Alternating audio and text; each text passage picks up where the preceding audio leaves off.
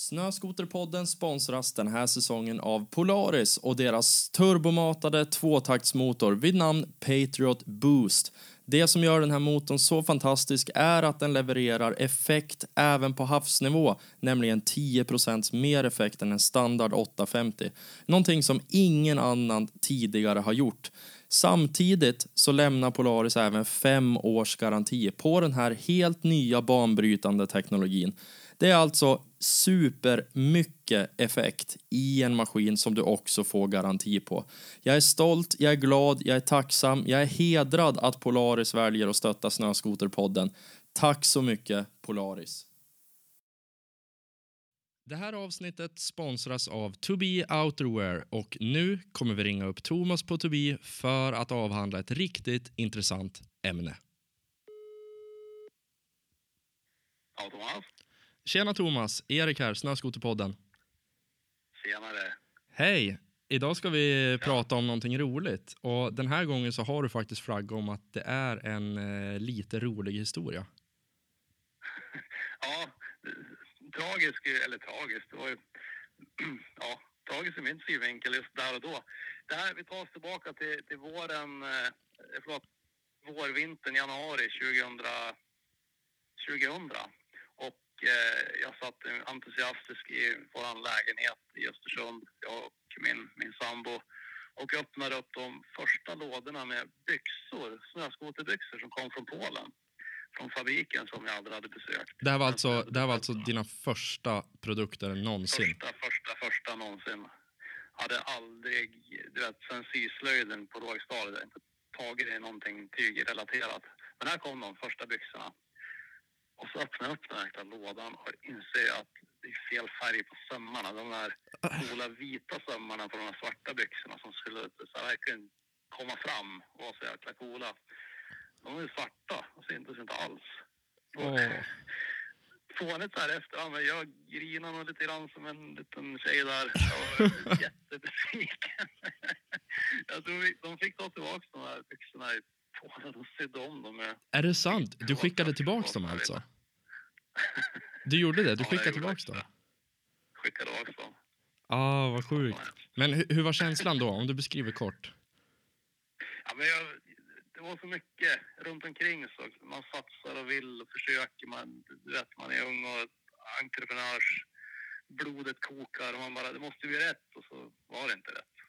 Man är så otroligt besviken. Ja, jag förstår det. Så vad är lärdomen då? Ta lite lugnare kanske, acceptera ibland att inte allt blir riktigt som man vill ha det. Eh, och eh, äh, man, går vidare. Sen, sen löste det sig jättefint. De kom tillbaka omsydda med rätt färg på sömmarna. Och, så, ja, i slutändan var det inget problem. Fantastiskt. Rolig historia.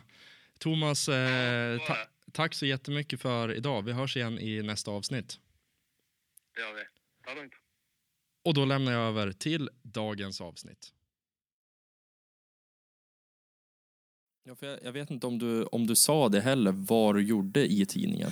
Nej, det, precis. Nej, men jag, var, jag, var, eh, jag höll på testverksamheten. Det var egentligen det som var. Jag höll på att testa. Det var liksom testkörning. Provkörde lite skoter, Ja, skrev lite grann vad du tyckte. Eh, precis, det, det, var, det var det man höll på med. Det här låter lite glassigt och sånt där. Ja, Så här. exakt. Nej, nej, men det var jättemycket sån verksamhet som vi, som vi hade, bland annat med ett tält uppe i Borgafjäll vid stugan, alltså, där vi hade liksom 10-15 maskiner under säsongen.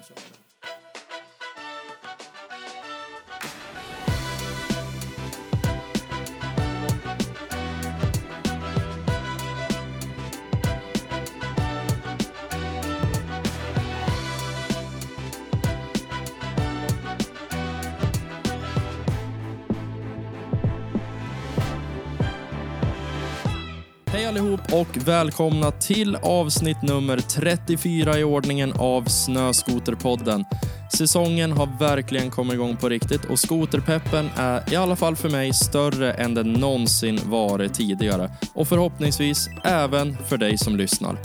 I dagens avsnitt har jag bjudit hit en väldigt intressant person som jag själv är riktigt nyfiken på att veta mer om. Han är för de allra flesta ett relativt okänt namn utåt sett, men hans produkter och varumärken är precis raka motsatsen. dagens gäst driver alltså tidningen Snöskoter, en tidning som har funnits med i bilden i hela 44 år och som du garanterat har sett i diverse matbutiker, på mackar och på andra ställen så länge du kan minnas. Utöver detta driver han även tidningen ATV Quad samt ATV och skoter i Norge. Det är alltså inte vem som helst som sitter här idag och det känns så galet roligt att äntligen få säga orden Per Lidgren, varmt, varmt välkommen till Snöskoterpodden. Tackar för det. Hur känns det att vara här? Det känns jättekul alltså. Det här är, ja, men det är 34 avsnitt snart så då får man liksom vara med här. Det känns jättepepp. Ja, äh, superkul att äntligen ha dig med. Ja. Hur är läget? Jättebra. Eh, Efter den här uppe i fjällen, köra snöskoter, komma hem, göra lite artiklar till tidningen vi just håller på att producera så känns det som perfekt. Du har också mycket skoterpepp i kroppen alltså? Ja, absolut. Det, är det. det var ju lösning också, så att, Ja, det ja, i litet skallager. Så att, eh, men, men det var tillräckligt med lösning, ungefär 40 centimeter, så man kunde ha lite roligt där uppe. Ja, vad roligt. Nej, nu, säsongen är verkligen igång. Ja. Har du, har du åkt något mer då, eller var det, var det premiärhelgen? Nej, det, utan det är ända sedan i jul har vi varit ute och åkt och så sen är det, eh, det är väl någon helg man haft ledig eh, sen dess. Så att eh, man har försökt åka så mycket som möjligt. Det, det är som sagt nu är det vinter så att då är det bara att ta vara på det. Och det är bara Snart är det slut. Det var någon jag pratade med här i branschen också som sa att man, man, liksom, man jobbar som ett djur i ja, men typ eh, tio månader. Och sen så på de där två månaderna som det är riktigt bra vinter, då ska det liksom skördas. Man måste liksom verkligen ta tillvara på det. Ja, ja, ja. Och lite så är det. Man Nej, går liksom hela tiden och bara tänker att ja, men snart, snart är det vinter, snart är det vinter, snart är det vinter och sen har man åtta veckor av bra säsong. Ja, ja. Och då snön kommer, då finns det ingen annat än då är det bara att åka. Ja, men det är, så. är så. Det gäller att passa på. Ja, då. Eh, vad har du gjort idag? Ja, idag har det varit produktion av eh, artiklar till eh, nummer två av tidningen Snöskoter. Och så sedan så lite resa hit ner, leverans av lite tidningar till dig och så sen så göra det här avsnittet. Ja, en eh, ganska bra arbetsdag om andra ord. Ja, då, absolut. Man lyckas ju fara in på Pizza Hut också. Det är Ja. aldrig fel att käka där. Nej, det är inte det. Nej. Man brukar dock ha lite små ångest alldeles efter, men det går över. Ja, det gör ju det. Man får bara se fram emot nästa helg när man ska fara och köra snöskoter Ja, och se det där som en bunkring av energi. Du, jag måste faktiskt dra det, en liten anekdot. Mm. Jag och kollegan var iväg och körde förra, vänta nu, vad var det, en och en halv vecka sedan Mm. Då, alltså, vi hade kört fast så extremt mycket sista dagen. Vi hade kört skoter tre dagar i sträck. Vi körde fast jätte, jättemycket sista dagen. Och det var tänkt att vi skulle inte köra en hel dag. Eh, Så då när vi sätter oss i bilen, vi lastar på skotrarna, vi sätter oss i bilen, vi ska åka fem timmar hem till Sundsvall från Borgafjäll där vi hade varit. Och sen så stannar vi till i Dorotea. Eh, och båda två, vi beställer varsin pizza. Givetvis så tar vi även en bearnaisesås för man är riktigt sv- utsvulten. Och när vi har smält i oss de där pizzorna, alltså vi var ju så utmärglad och så slut i kroppen. Så när vi hade, när vi hade ätit upp de där pizzorna, båda två sa bara ja, jag skulle typ kunna äta en till. Alltså man var liksom Ja. så slut i kroppen. Ja. Kroppen behövde precis allting. Det var så. exakt. Kroppen sväljer. Ja. Det säger väl lite grann om fysiska kapaciteten som behövs för att Ja. köra skoter. Jo, men det är lite grann så de har varit ute och gjort en hel dag. Ja, det är Ja, så. då behövs det mat i kroppen. Ja, Lite vila. verkligen. Men du, eh, den här tiden på året, för dig eh, rent jobbmässigt, är det så här det är för dig? Att det är lite, skriva lite artikel, åka lite skoter, testa lite grann? Det låter Ja. ganska härligt. Jo, det låter härligt, eh, men det är otroligt mycket jobb den här tiden på året.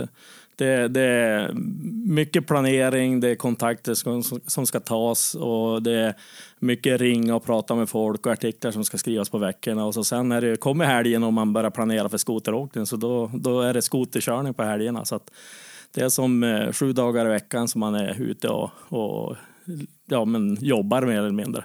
Sen har man ju turen att det, jobbet är ju det man absolut älskar här i livet. Så att det, man, det, det är någonstans både jobb och fritidsintresse. Så att det är ju det som gör det positivt. Nej men så är det ju verkligen. Det är, det är ju stor skillnad på, på jobb och jobb. Mm. Eh, du jobbar ju faktiskt om du är ute och testar en ny skotermodell. Ja, En jo, det, jo, Och det är även få förunnat. Ja, det låter lite glassigt faktiskt, men det, det är mycket, mycket jobb ändå bakom det hela. Ja. Så det, för det, det är som allt man ska, då man testar, det är ju vissa saker som vi ska liksom dokumentera och vi har ju mycket testrutiner och sånt också som vi går igenom med de här skotrarna. Och sen är det körning och, och fotografering. Men just den här tiden på året, det, det, ja, men det, det är mycket att göra.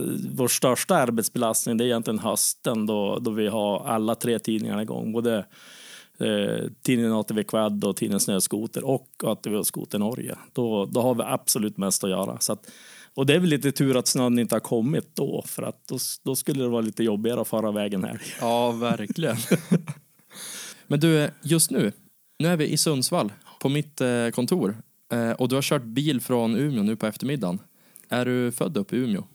Nej, faktiskt inte. Eh, jag är född i Gällivare med utländskt personnummer av någon anledning. Va? Ja, jo, det, man, för, förut när man hade, hade, hade personnummer så var det alltid fyra sista siffrorna var det ju de två första angav vilket län du skulle vara, eller du var född i helt enkelt. Och eh, nu visar det sig att jag hade ju, har, ju då två siffror där som på något sätt angav att jag är, är utländsk påbrå eller något sånt där.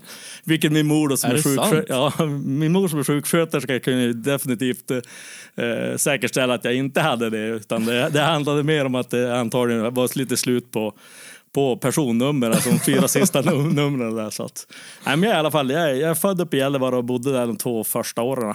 Eh, så det, och så sen så flyttade vi ner till Umeå då, farsan då.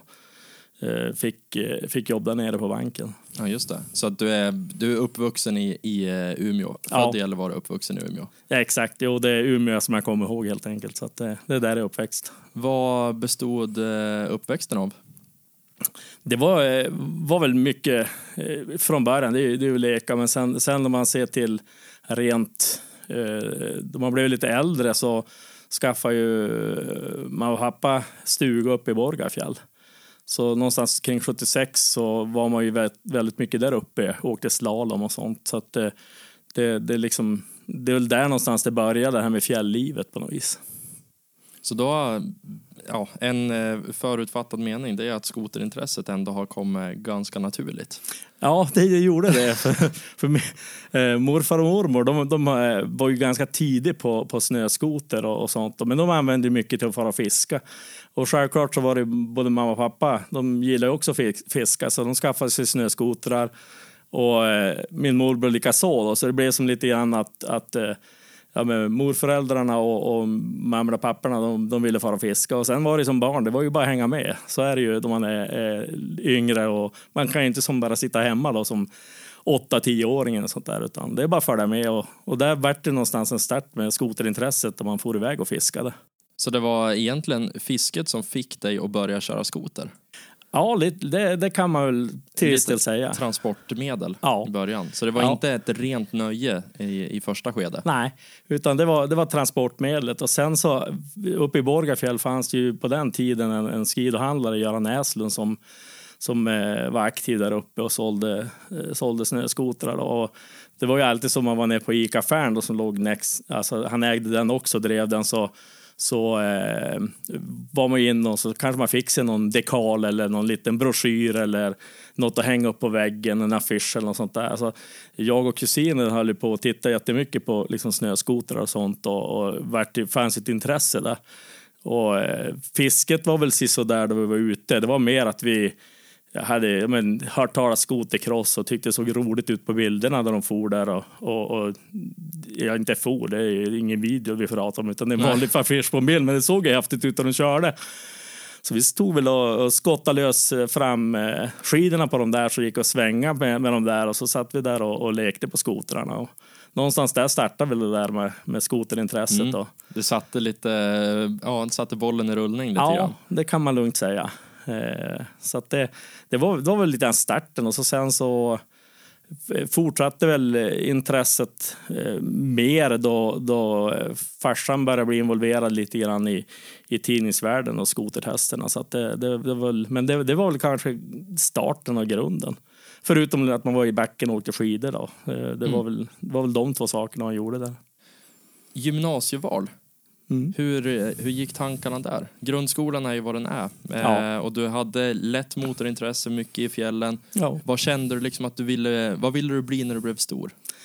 Ja, det var, jag, ärlighetens namn, jag visste nog inte riktigt det då. Så att det, valet följer på det som då hette naturvetenskaplig linje. Som var en bred linje som man egentligen inte blev någonting eh, direkt av utan man, man kunde välja lite mer senare. Då. Så det var ju det valet eh, jag, jag tog då och, och gick då eh, fyra, nej tre år. Det, inte fyra år, men eh, tre år där. Och eh, eh sen var jag iväg till USA ett år på ett utbytesstudentår där så att jag kom tillbaks en klass senare. Eh, men, men eh, efter, efter det hade jag, jag visste väl kanske inte riktigt vad jag skulle göra. Eh, men jag skulle göra lumpen. Det var, det var det som, som fanns i nästa steg. Hade lite planer på kanske bli officer, eh, snickare. Eh, vi hade haft lite elektronik på, på, eh, på gymnasiet där så jag tyckte väl det där med datorer var ju lite roligt eller elektronik och sånt. Så det, det var väl de tankarna som fanns där. Men du kände inte riktigt för att plugga vidare och bli liksom, gå någon universitetsutbildning eller sådär? Nej, det, det, det fanns nog inte riktigt den tanken då, utan jag, jag, jag hade nog lite mer tankar på att eventuellt bli officer vid det tillfället då. Och vilket gjorde att jag eh, gick, eh, eller blev KB-elev som det kallas för på, på I20, MB20 i Umeå. Eh, gjorde den utbildningen i 15 månader och så sedan så sökte jag till, till eh, yrkesofficer. Kom in och eh, fortsatte eh, början av min, mitt liv som yrkesofficer då, fram till 97. Okej. Okay. Eh, så att, eh, så att du, du gick naturvetenskapligt och sen blev det egentligen rakt in i militären? Ja, och då eh, snappade de upp lite grann. Jag höll på med skotrar där, för då hade jag hunnit börja med det och, och folk vart intresserade. Så att det blev sen lite naturligt att det eh, blev en motorkarriär inom armén då, eh, lite grann vid, sid vid sidan om. Man håller på med utbildningar och sånt också, men mm. då det kom till fordonsutbildning och, och sådana saker, då, då eh, började jag med det där och utbildade mig sen till militär trafiklärare. Okej. Okay. Hur Så länge att, var du inom militären? Nej, jag ryckte in då 1989 och eh, sedan så la de ju ner eh, brigaden då eh, 1997.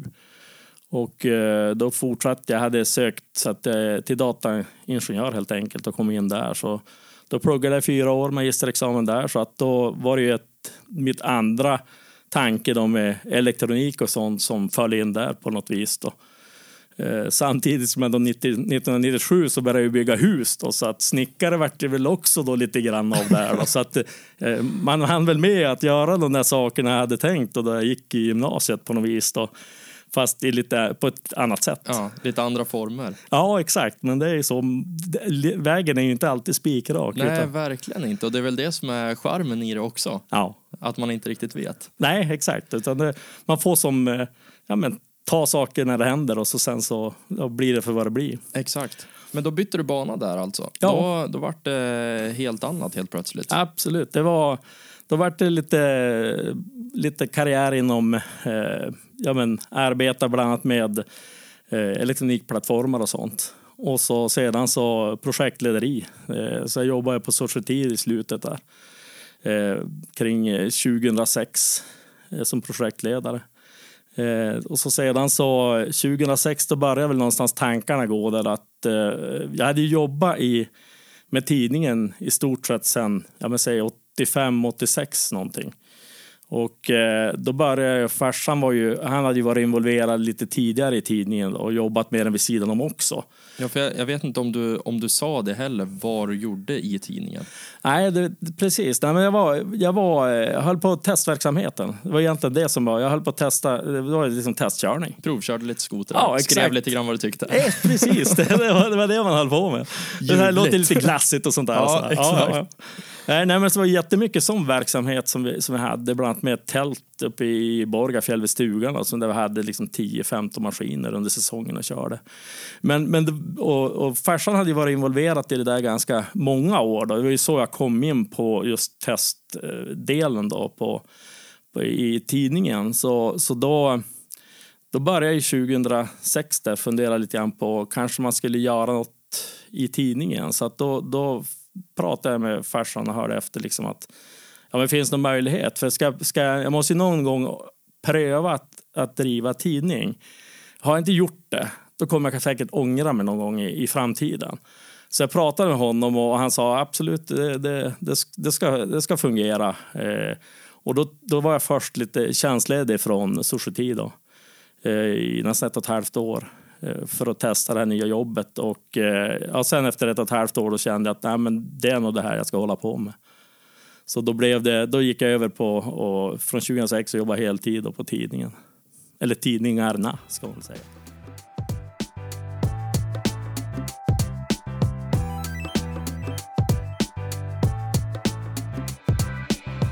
Utifrån eh, den bakgrund du har rent jobbmässigt och erfarenhetsmässigt så känns det kanske inte Ja, vad ska man säga? Det känns inte helt självklart att driva en tidning. Eh, det hade kanske varit naturligt om du var journalist eller eh, du kunde det grafiska eller någonting. Men du hade inte den bakgrunden. Nej, inte alls. Vad var det liksom som fick dig att känna den här starka drivkraften till att, eh, att driva en tidning? Det, det var nog mycket det att eh, man har jobbat vid sidan, i och för sig vid sidan om så pass många år som jag hade gjort fram till 2006. Så, så även som jag hade eh, gått de här utbildningarna, man hade haft sitt tidigare jobb och, och sådana saker, så kände jag någonstans att då varken farsan eller Lars blir yngre och helt plötsligt idag kanske de ställer sig där att nej men nu vill vi inte hålla på med det här längre och nu vill vi sälja tidningen. Och då ville inte jag ha det här äh, hängande över mig på något vis att jag inte hade prövat att, att uh, jobba heltid i tidningen. Uh, och, och, istället då fråga mig varför gjorde jag inte det? Uh, för det när kanske var när det, det är roliga. för sent liksom. Ja, för det, det, det är så. Det, det, kan ju hända. En dag är det för sent och då, då vill jag hellre ha kvittot innan och säga det att ja, men jag ska pröva det här. Jag ser efter, var det här roligt eller var det inte roligt? Och, och det var det egentligen som gjorde att jag, jag, jag jag ställde bara frågan att jag, jag, vill jobba i det här heltid. Och, och då började det med det att jag, jag jobbade eh, där heltid eh, och gjorde, skrev artiklar, testade och gjorde andra saker innan man gick över på att bli chefredaktör och ägare tillsammans med min far Mm. av tidningen.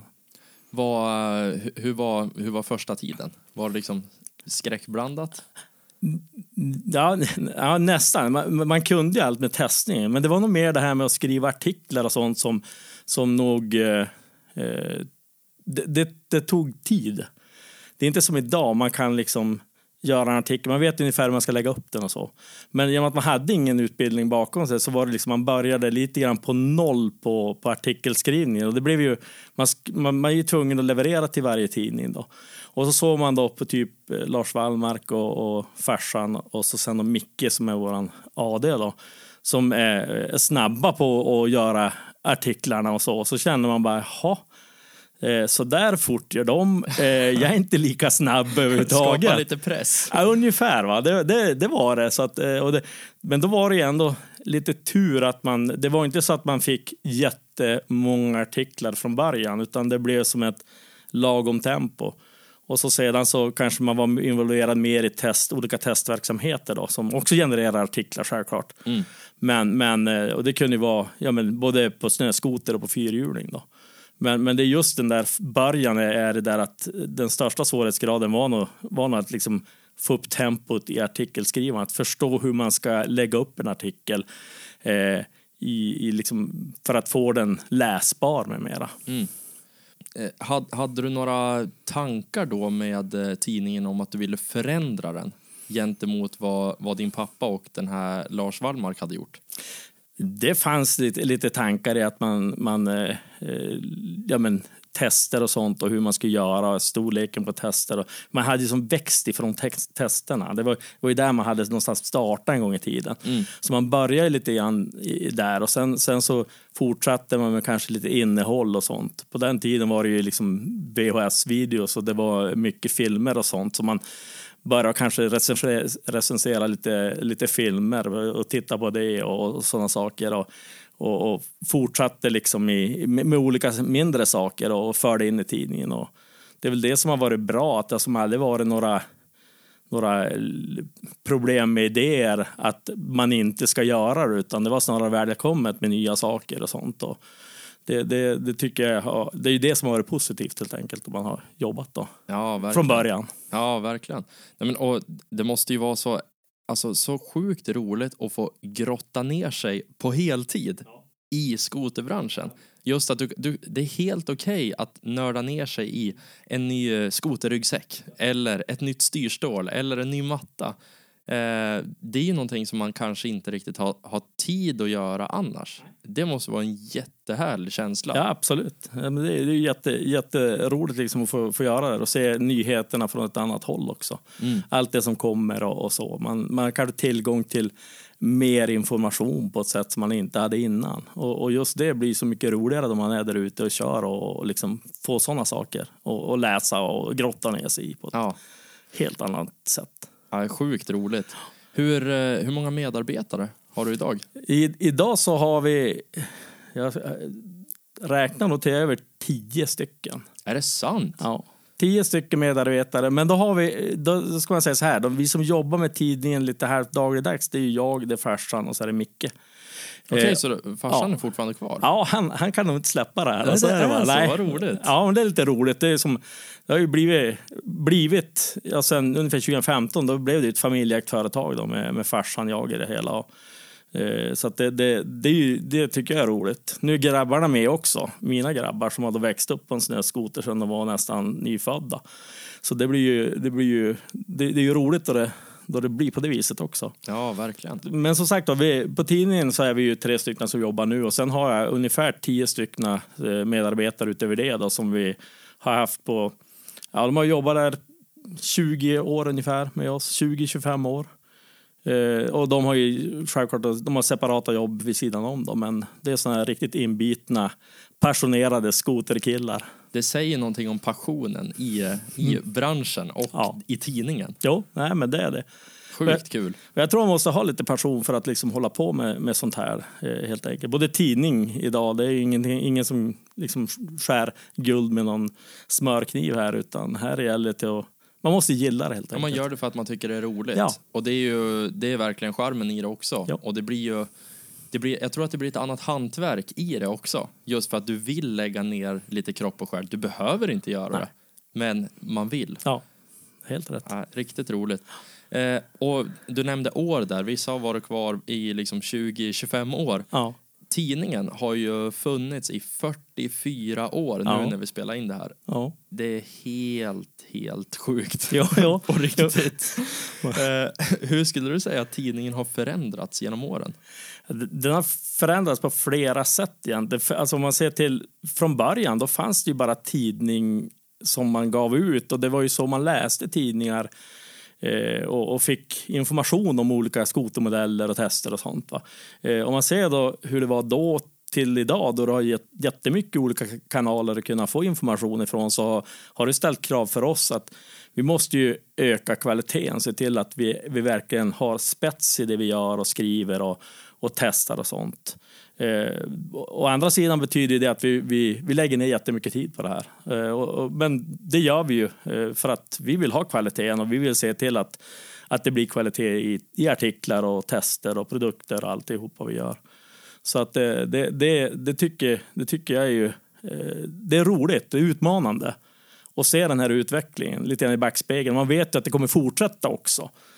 Eh, och och det, det är likadant med vår utveckling nu då vi, då vi har tidning så är vi multipla. Vi har ju som ett, ett spindelnät egentligen, brukar jag kalla det för, med, med liksom webb, sociala medier, vi har vloggar, Youtube och, och eh, liksom tidningen. De, de går ihop och hjälper varandra på ett sätt som, som eh, förmedlar liksom skoterkörning på flera olika kanaler. Det blir en hel mediaproduktionsbyrå egentligen. Ja, det, det är lite grann så på ett ställe. Ja. Och så får man vara lite grann så här allt i allo. Vet. Man är som en vaktmästare där. Man ska kunna Ja, allt. Och för företaget är inte större. Och, och då är det tur man också har medarbetare som är passionerade, som gillar det här. Ja, det är ju eh, typ livsviktigt Ja. nästan för den typen av företag. Ja, visst. Nej, superkul. Alltså, jag, jag köper eh, helt det du säger. Eh, just med att, ja men förr, då köpte du en tidning när du ville ha informationen. Mm. Idag kan du googla fram, alltså du kan googla fram all information Ja. du behöver. Ja, Men tidningen är ju det lättaste sättet att få till det. Ja. Alltså just, du, du får allting presenterat framför dig, serverat på silverfat. precis. Man behöver inte kolla i olika källor fram och tillbaka hit och Nej. dit utan det, blir, det är fortfarande väldigt trevligt. Ja. Och faktiskt, även fast eh, medialandskapet förändras så en tidning i handen är ju någonting speciellt. Det är äkta. Ja, och det är det vi hör också. Jag menar, för ett par år sedan så pratade man ju mycket om tidningsdöden. Eh, och, och allting skulle vara gratis och lättillgängligt och så. Eh, och det, det var ju, det, det, har man ju sett nu också med backspegeln då, att det var ju mycket mer eh, dagstidningsverksamheten som var, var liksom, hade det jobbigt och, och, för att där kunde du hitta informationen på flera andra kanaler. Eh, just då det kommer till specialpress som vi har då, med våra tidningar så då, då, då är det inte lika kanske lätt att hitta vissa saker för det, det, får bara vi tillgång till och kan skriva om. Och så sedan så är det just det här med källorna att vi, vi har ju fått det från leverantörerna. En, en, läser du på nätet ibland så kan det vara så att man, man vet inte riktigt var källan kommer ifrån. Mm. Uh, och det, jag brukar kalla det för lite trovärdighet ibland. Det finns jättemånga bra, bra liksom, som, som skriver mycket och är sjukt kunniga där ute. Om, om vi säger, vi kanske inte alltid spetskompetensen i, i allt det där, för det finns alltid någon som nörrar ner sig mycket, mycket ja, mer, mer än oss. Eh, det, det som jag hörde var Edvard, han höll på med här nu i, i förra avsnittet mm. och hur han liksom eh, visste saker som de i Sverige inte visste eh, kring olika detaljer om... Ja, för om, då satt han på amerikanska forum ja, och exakt. superspetsade ja. ner sig. Liksom. Och det, det jag menar, det kommer alltid finnas de som är superinördare på det här och kan mycket saker, alltså många spetsdetaljer bättre. Men vi har ju ändå bredden på det vi har och, och kan det väldigt bra. Trovärdigheten. Och, ja, helt, helt rätt. Ja, för ja, som du säger, det, dagstidningar, där kan man se en, en vikande försäljningstrend. Mm. Men inte så jättemycket på samma sätt på magasintrenden, för det är just att det är någonting speciellt. Ja, man vill ha någonting när man sitter ner helt enkelt. Ja. Det, det, är inte lika, eh, lika viktigt att bara swipa förbi den på iPaden och sådär. Man går på toa brukar vi säga och så sätter man sig ner, man tar tidningen och så sitter man där och låser in sig en halvtimme och läser den. Och så, så har man läst, läst en del av den och så fortsätter man vid nästa tillfälle. Lite, lite grann så för att vara lite ja, men ironiskt eller vad man ska mm. kalla det för, är, är frågan om. Folk vill ta sig tid att läsa och, och, och, och ta in informationen. Ja. Och det, det är kul, vi tycker det är jätteroligt. Det är superroligt. Men om man eh, backar bandet lite grann mm. eh, och liksom går ner i, eh, i grunden, hur man gör en tidning, så här, ja. rent konkret. Hur gör man? Hur får man ut den i butiker? Hur mycket trycker man upp? Vad gör man med osålda exemplar? Ja. Alltså, det är ju många sådana här logistiska grejer som jag börjar fundera på. Bara, hur fasen gör man? Ja, För det kan inte vara så att du bara går till ett tryckeri och säger hej, nu skulle jag vilja trycka upp 500 000 exemplar och sen ska du själv åka runt och sälja dem till varje ICA-butik. Nej. Hur, det... hur gör man? Det, det börjar egentligen med att vi, om man säger så här, min bakgrund testning, vi, vi kan bara ta det som exempel. Man åker iväg, testar eh, en snöskoter. Kring testningen så är det mycket som ska göras. Vi har, vi har ju testrutiner som vi har då, som är, vi följer och sånt. Då. så vi, vi tar ju mäter, vi tar och eh, liksom fotar, detaljfotar fordonet. Det tar, tar ganska mycket tid att, att göra bara sådana saker. Sen så har vi då rutiner på hur vi ska dokumentera då vi kör dem så att det ska bli hyfsat lika för varje maskin då, för att det även ska kunna gå att jämföra. Eh, och, och det liksom har vi rutiner för det. Vi hade ett testprotokoll som vi utvecklade kring 87 någonstans som vi fortfarande har fast har utvecklat ännu mer eh, med ungefär 50 olika punkter som vi då utvärderar för varje körning. Så att eh, där någonstans börjar det och, och, så sedan ska vi även då ta in de här aspekterna med hur, hur känns fordonet då vi kör det. Så att det, det är ju jätte, det, det är många detaljer som liksom är starten till att börja producera en tidning. Eller börja skriva en artikel. Mm. Så vi åker iväg en helg, eh, eller då vi har varit i USA eller hemma och eh, gör det här arbetet. Eh, vi tar hem det, vi ser till att på något sätt paketera det för varje snöskoter med alla de här protokollerna. Eh, det kan vara ljudfiler, det kan vara eh, bilder och sånt. Så att den som sen ska skriva det då ska få det här till sig. Så att då är det då en person av kanske tre, fyra som har kört den här maskinen som då får uppgift att skriva den, skriva artikeln som då ska in i tidningen. Eh, och eh, då har vi ju i, för varje tidning så gör man en form av dum, alltså en mall på hur ska tidningen se ut, vilka artiklar ska in, vilken sida ska de ligga i. Så det börjar grunden någonstans på, på det sen Micke ska göra som är vår AD. Han ska då se till att eh, då göra de här sidorna utifrån. Layouten, liksom. Ja, layouten. Där, där han då har, får bilder, text. Eh, och så gör han klart tidningen eh, med de här delarna. Eh, korrläses då av en, eh, min fru faktiskt, som korrläser alla artiklar. Så hon har ju fått det här prestigefyllda jobbet. Ja. Att, att rätta alla som inte gör rätt. Oj, vad jobbigt. Ja, jo, det, det är faktiskt väldigt mycket jobb och det, det får jag höra ibland. Så, bara inte, ja, även på mina artiklar så finns det en del fel. Det hör till. Ja, det hör till. Jo, jo. Jag hörde nog först av alla, hon Ja. grymtade. Men i alla fall, men det är ju en jätteviktig del också för att skapa den här kvaliteten i produkten. Att det faktiskt är, eh, ja, men det är bra svenska och sånt i den. Så att det, det är en viktig detalj förutom att man gör den. Absolut. Och, och eh, sedan så blir det då, då man har, gjort hela de här, alla sidorna då, eh, färdiga, Micke har då gjort en pdf på det här, då skickar han det till tryckeriet. Eh, och de trycker då upp den här i en upplaga som då fördelas på, eh, på försäljningsställena, alltså eh, kiosker, butiker. Och sedan går en del till våra prenumeranter. Så det är de, de två distri- distributionsvägarna sen som Ja, tidningen tar. Eh, och då är det ju eh, ut till butik, då går det då via ett bolag som heter Tidsam då helt enkelt som, som eh, ser till då, vi skickar egentligen bara en pall med, med tidningar som de beställer av oss. Då. De sköter liksom sen distribution av det antalet tidningar då, ut till kiosker då med.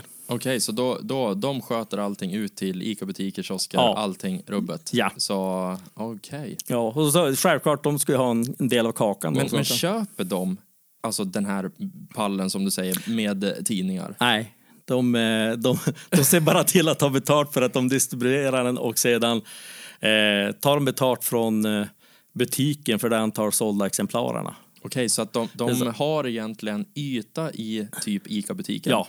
Eh, och sen det som ICA-butiken säljer, det tar de betalt för. Resten tar de tillbaka. Ja. Så de har egentligen en display som de bara byter ut produkter på. Helt rätt. Och det, det är då en, Okej, en ansvarig som, som åker till butikerna och ser till att de här ska då stå på ett visst sätt och sånt. Så det, det finns en, man, kan, man kan ibland se att det kommer en kille där som står och, och liksom ändrar lite grann. Förutom då själva butikspersonalen självklart. Det är en visual merchandiser egentligen, fast för bara tidningar. Ja, ja. Det är det. Ja coolt. Så det, det är lite, och då, man kan ju få ibland lite erbjudanden om man får vissa displayplatser där då som man kan få köpa för en extra kostnad då, som är då lite. Man brukar ofta se typ eh, ja, med damtidningar och sånt som står i ett speciellt utfällt ställ som är lite längre ut då. Och där, där då finns det, finns det då plats man kan köpa då för att ha tidningen i. Okej, så det är egentligen upp till tidningsproducenten vilken position du vill ha i tidningsstället? Ja, li, lite grann. Lite. Generellt, generellt sett på de, de ordinarie som man ser massa tidningar stå på, där, där har man ingen där, där blir man bara utställd. Men sen kan man köpa olika såna här finare platser då, så, som är så, lite, lite bättre placering på. Ja, just det. Så det, det är lite, lite intressant. Men det, det, är, det är de som ansvarar för, för liksom den distributionen då, och tar tillbaka de exemplar som inte blir sålda. Och eh, det tar de ju självklart betalt för, för att det, det är en tjänst de tillhandahåller. Mm, såklart. Och så får vi då ett, eh, ett, eh, ja, då är det, överskott som finns då på försäljningen, det får vi, får vi då sen i slutändan. Ja, att det- Sjukt intressant ändå. Ja, Alltså det, ja, en, en skum bransch men också väldigt bra ordnat Ja, det är det. faktiskt. Så, så är det. Så Och då har det- du alltid färska liksom, exemplar ute, de plockar bort det som blir gammalt, lägger dit det som är nytt. Ja. Coolt. Eh, säljs det flest lösnummer eller är det fler eh, som säljs via prenumeration? Vi har väl ungefär skulle man säga 50-50 på det, på det där. Alltså det, om man ser till vad som är sålt. Sen är det ju det att det vi distribuerar ut till säljställena där säljs ju inte all, alla de eh, som står ute i butiksställena. Utan det, man får räkna med kanske mellan 40 och ibland så var det uppe i 80 procent försäljning. Och då har vi verkligen jublat och försökt hitta vad var det för något som gjorde att vi sålde 80 procent där ute. Men, men så, så är det ju, det är inte unikt för oss att, att det är den typen av försäljning. För så är det för alla tidningar som, eh, som säljs i butiksställen. Att alla kommer inte att säljas. Utan, och, det, och det vet man om redan från början. Men man ska i alla fall se till eh, att optimera så mycket som möjligt på hur många tidningar man levererar kontra som säljs. För det kan man hela tiden se statistik på. Så att det, det, det är en liten optimeringsprocess i logistiken Ja, här, som du var inne i från början där. Ja, men i, intressant. Det här är liksom en, en helt annan dimension av, av skoterbranschen. Ja, ja exakt. Men det är väldigt intressant. Ja. Eh, Om vi snappar upp ordet skoterbransch. Ja. Provkörning av skotermodeller och contentskapande till tidningarna som ni gör.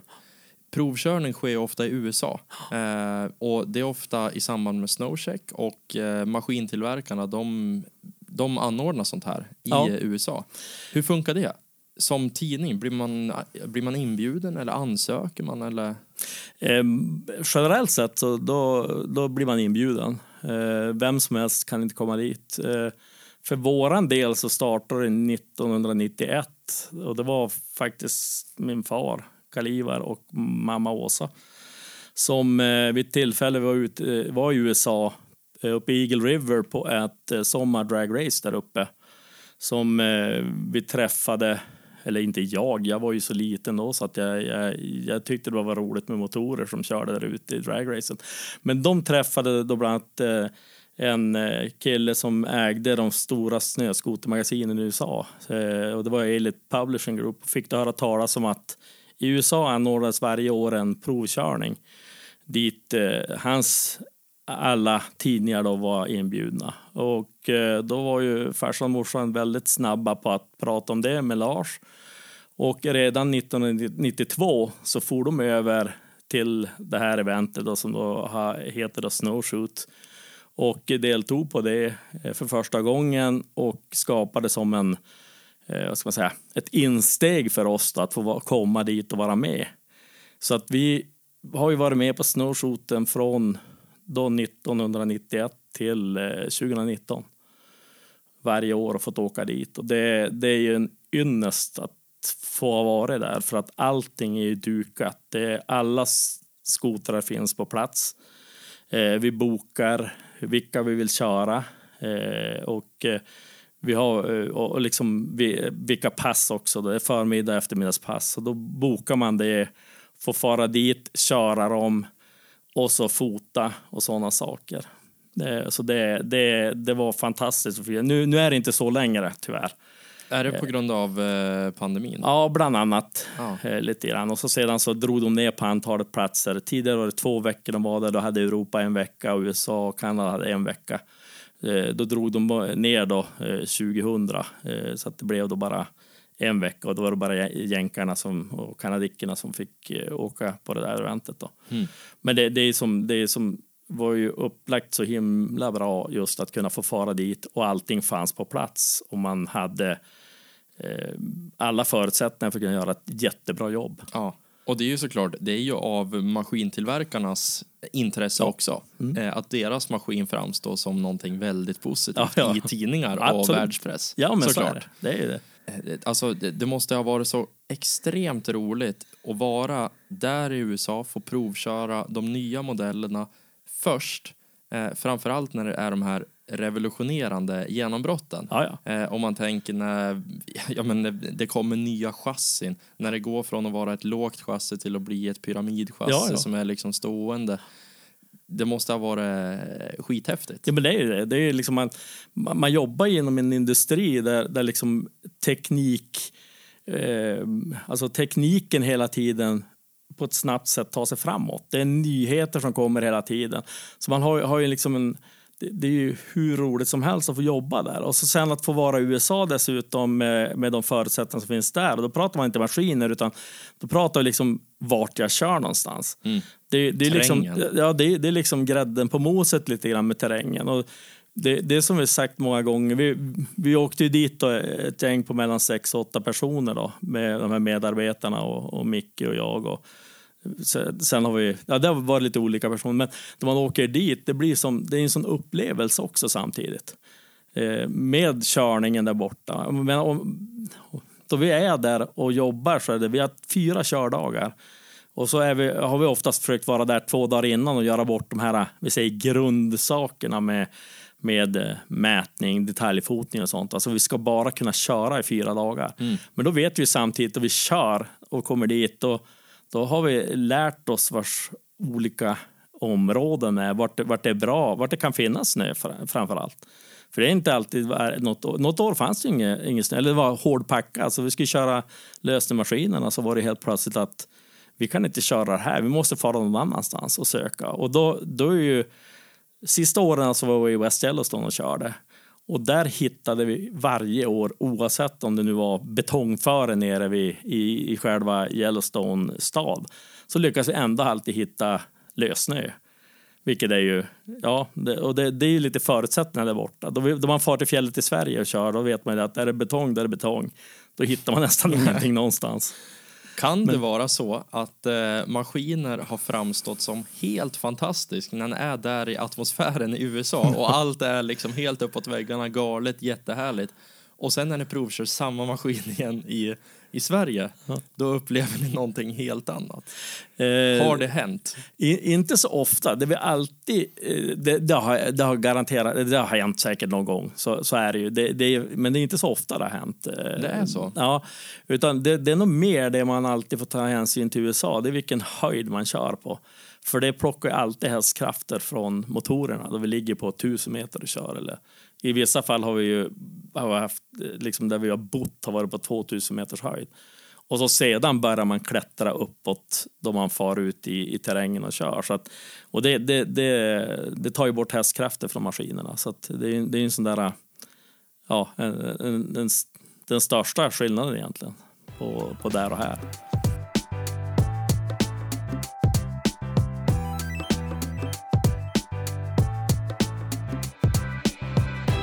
Vad skulle du säga är det roligaste med att driva en skotertidning?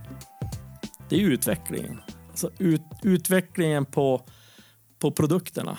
Det händer någonting varje år. Det är nästan som om man skulle vara en... Eh, nu ska jag inte liksom vara, vara dum mot någon, men är man tidningsjournalist och skriver om bilar så visst, det finns jättemånga olika modeller, det gör det ju på bilarna. De har ju bra många fler. Va? Men det är ju inte samma teknikutveckling på bilar som det är på snöskoter. Det är nästan så att kravet från den som som köper snö, snöskotrar idag och använder dem, det är det att det måste komma någonting nytt nästa år. Fastän det kom någonting det här året. Och det är väl det som gör det så otroligt roligt och intressant. Att man vet nästan innan slutet på året, ungefär den här tiden, att det kommer att komma någon nyhet. Det är bara från vem släpper någon rolig nyhet i år och vad är det för någonting? Och så sitter vi ibland vid kaffet och, och spånar liksom, vad händer i år? Och det, det är det som är så otroligt roligt med den här branschen. Att det, det sitter som alldeles still. Det händer något hela tiden. Ja. Och det måste ha att göra med att det är passionsdrivet. Ja. Att det är så himla hungrigt och man vill ta det där nästa steget Ja. hela tiden. Nej, men det är intressant att du drar bilbranschen som en liknelse. För om man jämför liksom en bil från, vi säger 2015-2016. Det är inte jättestor skillnad mot en modern bil som säljs idag. Men om du jämför en skoter från 2015 Ja. mot en skoter som säljs idag, det är en jätteskillnad. Ja. Sätt dig på en, så, en sån skoter och den idag och så sen ska du köra i en lösnebacke eller Ja. i teknisk Det är terräng. helt annorlunda. Ja, jättestor skillnad. Verkligen. Och det, det, det är det som är, är så roligt. Sen, sen så har man väl fördelen också att man jobbar med, med, med bra medarbetare. Eh, och, och sen absolut tycker jag en, en av de största fördelarna det är ju att hela familjen är ju både involverad men har samma intresse. Alltså man far till fjällen, då åker man iväg hela familjen. Jag behöver som aldrig tänka på, på såna här saker som att äh, men i, i helgen så, så ska jag fara till fjället. Undrar om Marie då tycker att det här är inte något bra. Det är inte aldrig så, utan det, det är snarare det, det som är positivt är att nej, men hon hänger med. Och så sedan så är det ju då med grabbarna, deras kompisar helt plötsligt hänger med också dit upp och som några medarbetare. Och så får vi ut och åker där. Så det blir som en stor gemenskap Du hela behöver tiden. aldrig kompromissa egentligen. Familjeliv kontra jobb, utan här kan du göra båda samtidigt. Ja, och, det, och det, det, det blir ju mycket enklare arbetsmässigt. Men det är samtidigt det som också gör det så otroligt roligt att man har någonting gemensamt. Och, och, och, som man gör då. Och även som det jobb, att man åker upp och man säger det, men det är jobb vi gör för vi ska ut och fota, vi ska eh, göra någonting på en maskin, eh, filmaren eller någonting. Så är det fortfarande inte riktigt jobb, det är ju någonting roligt vi gör. Men det, det, vi gör det på fritiden och som jobb. Kombinationen där är ju det är det som gör det så roligt. Och det, det, och det, men det är framför allt, det blir så enkelt då, då eh, alla är uppväxt på skoter i familjen också, i min familj. Då. Och sen så Marie som har ett genuint, hon har ju ett eh, motorintresse ända sedan barnsben hon också. Ja, det är guld. Och då, då har man liksom förutsättningar för att göra det. Och självklart, hon har ju varit med på testverksamhet sedan 92 så att, och kört snöskoter och testat och fått in den ja, vad säger kvinnliga eller tjej, tjejer i, i liksom tidningen. Som vi, det har vi jobbat med jättemycket. Även morsan var ju med där. Så att det, det har liksom varit som en familjegrej hela tiden. Och, och det är det som är, ja men, gör det mycket lättare. Ja, blir väldigt lätt jobbat Ja. jämfört med om det skulle vara åt ett annat håll. Ja, men det, det är ju så. Det, man har tur ibland. Det är, det är likadant som, som med mycket annat. Det, man har lite tur, eller så valde man rätt. Det ja man exakt. Livets gång. Ja. Eh, Men en annan rolig sak är det att man har varit ute och kört snöskoter nu i världen och vi har ju varit nästan runt halva USA och kört snöskoter. Det är att man träffar så otroligt mycket folk eh, som är i branschen. Som jag garanterar, folk vet inte ens vilka de är. Eh, det är en kille, Chris Rusk heter han, han jobbade på BRP under flera år. Eh, jag tvivlar på att, ja det är kanske de som eventuellt har läst vår tidning för ett antal år sedan där vi hade en artikel om honom eh, som vet vem han är. Men, men det, är, det är en kille som, eh, nu är han väl gubbe i och för sig, men eh, han, han var ju inne och involverad i BRPs eh, lösningssegment eh, i en liten ort, Grand Lake i Colorado. Eh, vi var bland annat där och körde vid ett tillfälle och fick fara ut och åka med honom på hans bakgård. Men just Chris är en sån där kille som har utvecklat BRPs lösningssegment ifrån början till att vara den, eh, den produkt som de kunde fortsätta med att utveckla här idag. Så, och det gjorde han där hemma. Han och en annan kille de, de var där inne och svetsade och höll på och modifierade. Eh, för just stället han bor i Grand Lake det är ju känt för lösningåkning och det är det han har hållit på med hela sitt liv. Okej, så att, så att han var hemma, pulade i, ga, i garaget, tog fram lösningar som är så här, ja men det här borde bli bra och sen så tog liksom BRPs ingenjörer över och gjorde det till verklighet. Ja. Det Alltså- är jäkligt coolt. Ja, ja, det är det. Och Men det, också, det låter väldigt simpelt, men ja. ja, ja, nej, men det, och det är inte simpelt. Nej, det är det är inte på någonstans. Utan, eh, jag menar, han hade sitt garage i Grand Lake. Då, Eh, och den som tittar upp det kommer inse att det där är ju ingen stort ställe överhuvudtaget. Och det är ju långt ifrån eh, Valcour och någon BRP, eh, vet säga, samma, någon, någon där BRP eh, har sin fasta tillvaro. Men han, han var där i alla fall och, och höll på att utveckla det här chassit och, och liksom fick det till att lira lösningåkning på ett riktigt bra sätt. Och det, det är sådana här individer som är, det är jätteroligt att få träffa dem då man har varit iväg dit och få, framförallt åka med dem. Jag visste inte ens att de fanns. Nej, det, det, det, det, det, det, det är flera sådana här individer man har fått träffa genom åren och åka med. Och, och, och, och flesta är ju jättesympatiska och otroligt trevliga. Och man tror ju ibland att den, ja, men de här nu som har varit med eller länge eller det, det är lite kändisar som man har åkt med eh, och sånt att de ska vara så här, de är så där långt där uppe. Men visst blir man starstruck, det blir man ju då man kör med dem.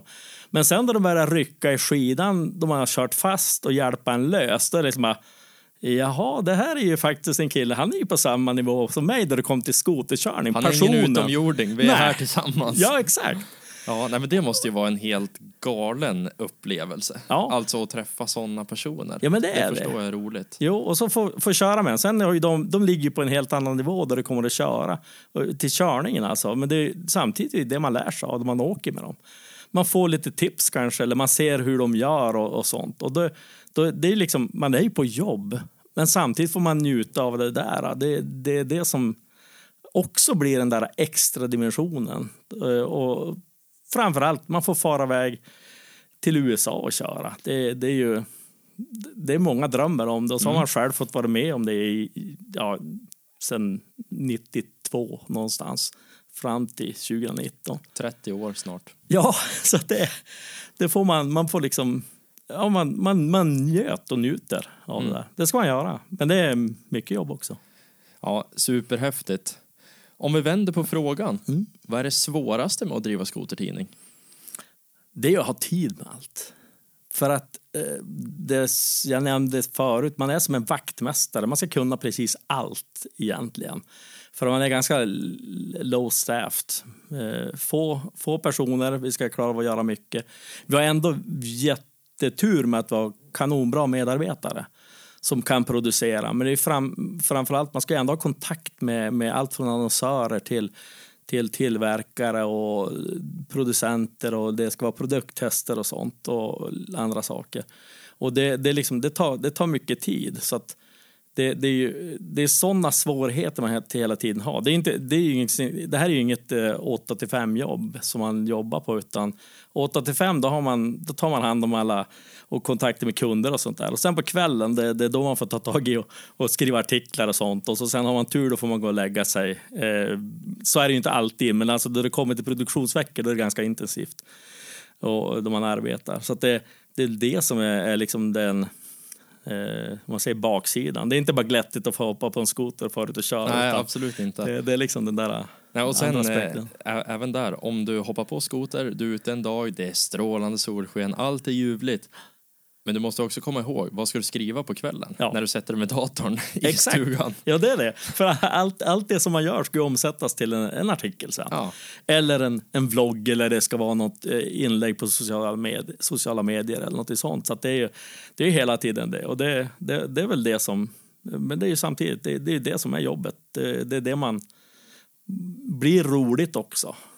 Fastän det är otroligt mycket jobb. Eh, som är baksidan på det hela. Exakt. Eh, otroligt mycket jobb, eh, sa du. Mm. Eh, men ändå så slog ni ihop med en norsk tidning. Ja. Då tänker jag så här, då borde det bli ännu mer jobb.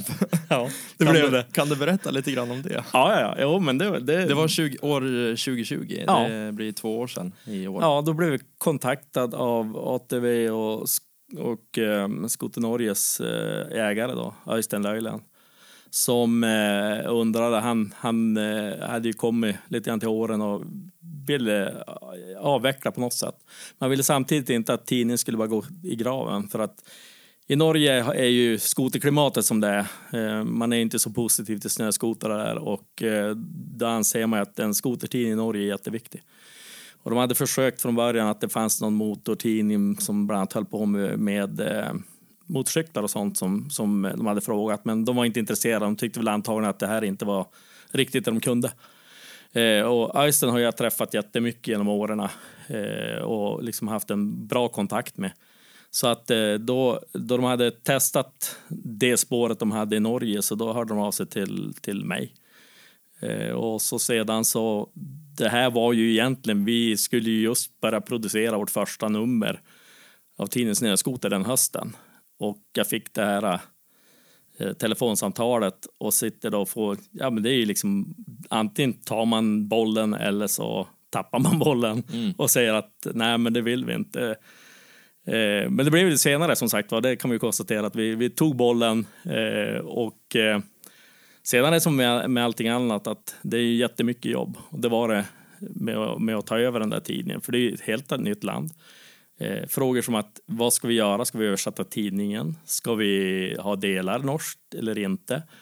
Eh, och och eh, Öisen hade väl någon idé på att man kanske skulle ge ut den bara som svensk version då, men själv tyckte jag att nej, vi måste ha norskt i den. Det, det är norrmän vi ska ge ut den här till. Så att vi, vi fick ju, eh, som tur var så fick vi en kille som han hade haft som medarbetare som då gör norskt material åt oss. Eh, en jätteduktig kille, Inge Hansen, som jobbar i Norge med norsk, som vi dessutom då kan skicka lite grann eh, andra artiklar till översättning till honom så kan han fixa det. Han, han är duktig, duktig på sånt. Ja, men det är ju smidigt. Ja. Vissa grejer går ju faktiskt att dela. Ja, och det, mycket i tidningen är det, eh, det, det, är mycket av testerna som är på svenska och så sedan så har vi 16 sidor i dagsläget som vi då byter ut till norskt material till norrmännen. Eh, vi vill ju göra mer självklart, men nu, nu är det här andra året vi, vi driver tidningen. Så att det som visar sig sen det är ju det, det, är just allt det där som man aldrig ser. Eh, ta över en tidning, ja, jippi. Mm. Eh, ta, det, det, är, det, är liksom, det kan vi ju. Eh, sen kommer man till distribution, man kommer till eh, avtal för att eh, liksom kunna fakturera prenumeranter och sånt. Jag måste ha ett D-nummer i Norge, man ska ha ett NUF-företag, ja, alltså norskt. All, all formalia runt omkring. Ja. Och, och det var väl inte riktigt... Eh, det var väl tur jag inte visste hur lång tid det tog. För hade man gjort det, då hade man kanske funderat en extra gång på om man skulle verkligen göra det där. Ja, exakt. Eh, Så att, eh, men vi fick ju lite hjälp första året av, av Öystein då, med vissa av de här sakerna och det var jättetur. Eh, däremot så sa ju Mm, själva pandemin gjorde ju det att, att eh, mycket av de här administrativa sakerna med, med öppna bankkonton, ett, ett norskt företag, eh, mitt nummer då som man måste ha för att kunna vara ansvarig för det norska företaget. Det vart ju otroligt komplext att söka och få just på grund av pandemin. Eh, så att det, det, var ju, det tog ju jättelång tid. Eh, men nu är allt sånt där löst så nu får man liksom tycka att ja, men det, var, det, var ju, det kändes ju skönt. Ja. Så att, eh, men det, det var det är mycket jobb som var där också. Men det är så med allt om man tar över en sak eller en- en början, då är det mycket uppstarten som, som krävs. Ja, sen så rullar det ju nästan av sig själv. Ja. Eh, eller ja, det blir ju betydligt mycket mer lättjobbat i alla fall. Det är ju så, för att då har man ju alla de här grundplåtarna klar och det, det, det, det känns ju skönt att det mesta är klart nu. Så det, Vad skulle du säga är, är största skillnaden mellan, mellan svenska marknaden och norska marknaden vad gäller skoter eh, tidningsläsande? eh, Alltså är det så här, om, om ni skriver mycket lösna i Sverige, Mm. vill norrmännen läsa sånt? Ja. Det, vi, upp, vi uppfattar i alla fall som vi har hört och det, det vi nu liksom ser också att det strömmar in nya prenumeranter i Norge så är det det de har, har liksom velat haft. Sedan så gick vi ju från en tidning på ungefär kring jag tror 60 sidor i Norge till en som är då på 84 sidor. Så att alla läsarna där har ju fått mer att läsa och framförallt då det kommer till tester och sånt. Eh, uh, Öystein, Öystein hade, han, han var ju, drev ju där själv tillsammans med en annan kille så han hade ju, det, det blir ju en begränsning i sig. Hur mycket kan jag köra, hur mycket kan jag testa och sådana saker. Eh, så den begränsningen hade ju inte riktigt vi då vi då vi, då, genom att vi hade vår svenska tidning och, och alla våra medarbetare och, och som liksom hjälpte till och, och kunde stå för basen. Då. Så det blev ett ganska bra uppsving för tidningen i Norge eh, och, och få in det här. Då. Vilket då lite grann är ju då ja, det var nog säkert hans tanke också. Som han såg det då han, då han liksom pratade om att vi skulle kunna göra den här tidningen på, på, med, med svenskt material. Då. Så att det, det, det, det är väl, ja, sådana delar som har varit intressant också. Det känns när jag lyssnar på allt sånt här nu, när du sitter och berättar, det känns som att du har väldigt mycket energi och du tycker att det är väldigt roligt. Ja, energi, energi det vet jag. Jag tycker alltid har för lite energi. Men, men det, det, jag, har, bara- jag har faktiskt börjat inse det själv att någonstans då man gör de här sakerna så måste det ändå finnas ett energi och driv. Och jag, jag har väl aldrig sett mig själv som egentligen har energi och driv. Det, det, det kan jag inte påstå. Men, Men man ins- utifrån sett så har du ju verkligen Ja, det. jo, jo, med åren så har man nog insett det. Och jag tror även nu då man har ungarna jobbar i det här och så ser man hur de är. Så någonstans kanske de också fått energin och drivet ifrån. Och det är inte bara Marie utan jag kanske också har bistått, med någonting. Men vad drivs du av då? Vet du det själv? Nej, jag bara tycker det är roligt. Alltså det, det är, eh, det är så otroligt roligt att få, få jobba med den här typen av produkter. Det, det, det är nog det som drivs, driver mig till viss del. Sen så, den andra delen är att man gör det med, med de medarbetarna som är passionerade. Men framför allt att familjen har ett, ett eh, intresse i det här. På det viset att vi, då man far upp till fjällen så far man, vi far iväg till fjällen. Framförallt på våren. Ja, men då åker man iväg, gör ett basecamp, man står och grillar. Och så har man det som utgångspunkt. Så den som vill fara och köra lösnö, den får göra det. Den som, den som vill sitta kvar och grilla och sola kan göra det. Och, och liksom man, man, är, Eh, man gör det här på något sätt tillsammans. Det, det blir så mycket lättare och det, det gör ju att det blir roligt också. Och det, det är ju, jag nämner familjen lite grann, men, den- men den, är ju, den är ju viktig. Men jag, jag älskar ju också, det, det är ju då man far iväg även med medarbetarna. Man bara far upp till fjällen. Man kör snöskoter på dagen, sen på kvällen då sitter man och ser snöskoterfilmer. Dricker en öl eller två, käkar lite gott och snackar skit och, och liksom bara umgås. Den där gemenskapen som skapas vid båda de här tillfällena som är, är liksom, det, det, ja, men det går nog inte att beskriva. Det, det är nog, Det är mycket bränsle på elden. ja, det, det är ju det som är liksom bara, det är positivt. Så att då man kommer till de där dagarna då det riktigt jävla suger, allt gick bara fel. Ja, men då, går man, då går man hem och så sen så dunkar man huvudet lite grann i väggen och så sedan får man, vet man om det är de här bra dagarna som kommer att komma. Så att man har alltid det framför sig. Man kan, man kan bli lite sur och man kan bli arg och man kan bli ledsen ibland och så sedan så, ja men då kommer det dagar med positiva grejer då. Det kanske är det här också, om man ska sätta ord på det, ord på känslan. Det här att hela tiden ha någonting att längta till. Ja, Det är nästa säsong, nästa helg Ja. Mm. är det nya tag. Det kan bli bra väder, det kan bli bra skoterförare. Ja. Liksom, man har hela tiden en längtan och det är väl kanske det som driver en framåt. Ja, jag tror det också. Det, det är liksom, eh, man har något mål kanske att, att man vill göra någonting. Eh, Det är som man ändå, man har ju kört snöskoter ganska länge eh, på olika sätt och vis. Och någonstans skulle man kunna tro att man blir trött och less på det. Men nej, det, det, det finns inte där än. Utan man, man tycker fortfarande att det är så pass roligt att fara ut och göra saker. Eh, nu gör man väl inga Brantvändningar, men, men man kan väl göra mycket annat i snödrivan som man inte gjorde förut när man körde. Det, det är ju det som också eh, man ser till sig själv då genom åren att man har ju börjat köra på, på liksom någon ledskoter eller en, en snotrik SE4. Där börjar man någonstans. Det fanns ju ingen, det var ju bladfjädring och det var ju absolut inga boggies att tala om. Och idag så får man köra nya maskiner så att det, man har liksom fått utveckla sig själv också genom åren att eh, bara hur körning är. Ja, eh, år 2022 i alla fall när vi spelar in det här. Det sitter ju inte i skotern. Nej, nej, inte alls, inte alls. Vad man kan göra för saker. Nej, nej, nej, nej, nej, nej, det är inte på något plan alls. Utan det... Skoterutvecklingen den gick om ens egna utveckling för väldigt många Ja, år sedan. ja jo, jo och, det, och det känns bra. Man vet ju i alla fall att jag kan göra någonting med den här skotern. Ja, för exakt. skotern kommer att Det är göra inte det jag vill. skoterns fel Nej, om jag inte exakt. klarar av det. Nej, nej man du- kan aldrig skylla på den. Nej, verkligen inte. Men du, eh, framtiden då? Hur ser den ut? Den tycker jag är, det, det, jag tycker det ser, eh, man ska ju säga, den ser bra ut, men det, det, det, är inte riktigt eh, utmanande. Och samtidigt så ser, ser jag liksom att vi, man är inte färdig med, med tidningen och då pratar jag inte bara tidningen som sådan, jag pratar om alla kringprodukter som vi har eh, med sociala medier, vi, liksom, med Youtube och vi, vi pratar om hemsidor och sånt och vad, vilka möjligheter som finns där. Vi, vi är inte färdiga där, utan här finns det många saker som, som liksom vi, vi kom, kommer att göra och i år även har startat och gjort. Då. Så eh, det är det som jag tycker är intressant också. Det är roligt. Och vart tar det här vägen? Framförallt om man har, har liksom eh, de som brinner då för, för just de här plattformarna också. Eller brinner, de är ju uppväxta. Ungdomarna idag, de är ju uppväxta med på sociala medier i Det stort blir sett. helt naturligt. Ja, ja visst. Nej, att och det, det är ju ett oskrivet blad, vad Jo. som händer. Och Ja. det är ju det som är det roliga. Ja, men det, det är ju det. Och det, det är det som man, man känner att man, man har inte tagit slut ännu utan man, man, man ser det som bara roligt att fara iväg.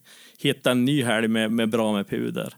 Och, och få fara iväg och bara, bara umgås och, och eh, liksom göra det man verkligen älskar. Exakt. Och det... Nej, rikt, riktigt kul. Du, eh, vi börjar närma oss eh, slutet av Mm. avsnittet. Hur har det känts att spela in? Nej, men det här är, det är jättekul. Alltså det, det, sånt här är alltid både spännande och kul. Man kommer hit och ska liksom börja tänka vad, vad är det för något man har gjort egentligen här i livet och vad, vad, vad, kan man prata om?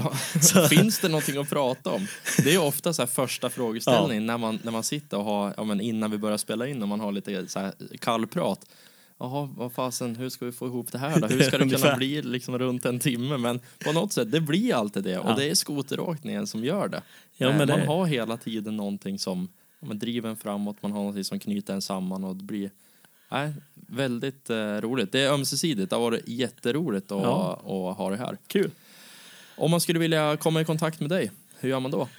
Det är både höra av sig sociala medier, eh, skoter eller ATV Quad eller ATV och Skoter Norge. Eller så är det bara att gå in på våra hemsidor skoter.se. Och eh, det finns mejladresser eller ring. Det finns alla möjligheter att komma i kontakt med oss. Skulle du vilja säga någonting som jag inte har frågat om? Ja, egentligen är det, det är ju den här... gemenskapen som jag var inne på lite grann med, med eh, det vi gör i vårt lilla gäng eller vad man ska kalla det för på tidningen. Men det är ju den här gemenskapen som finns bland skoteråkare generellt sett. Den är jätteunik.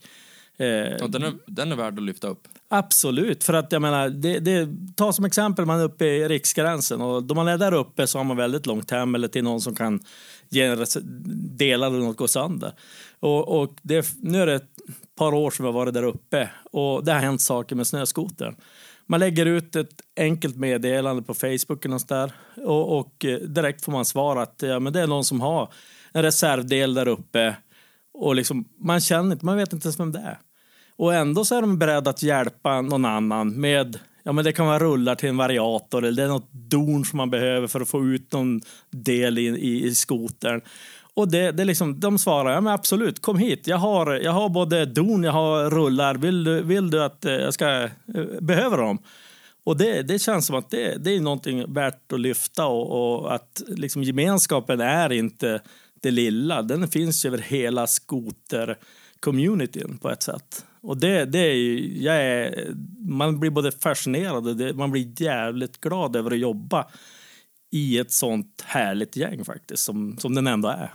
Ja, stor eloge till alla skoteråkare där ute som, som hjälper varann och är allmänt härliga människor. Precis. Så kan vi väl sammanfatta Ja, det är en bra sammanfattning. Du, superroligt att ha dig här.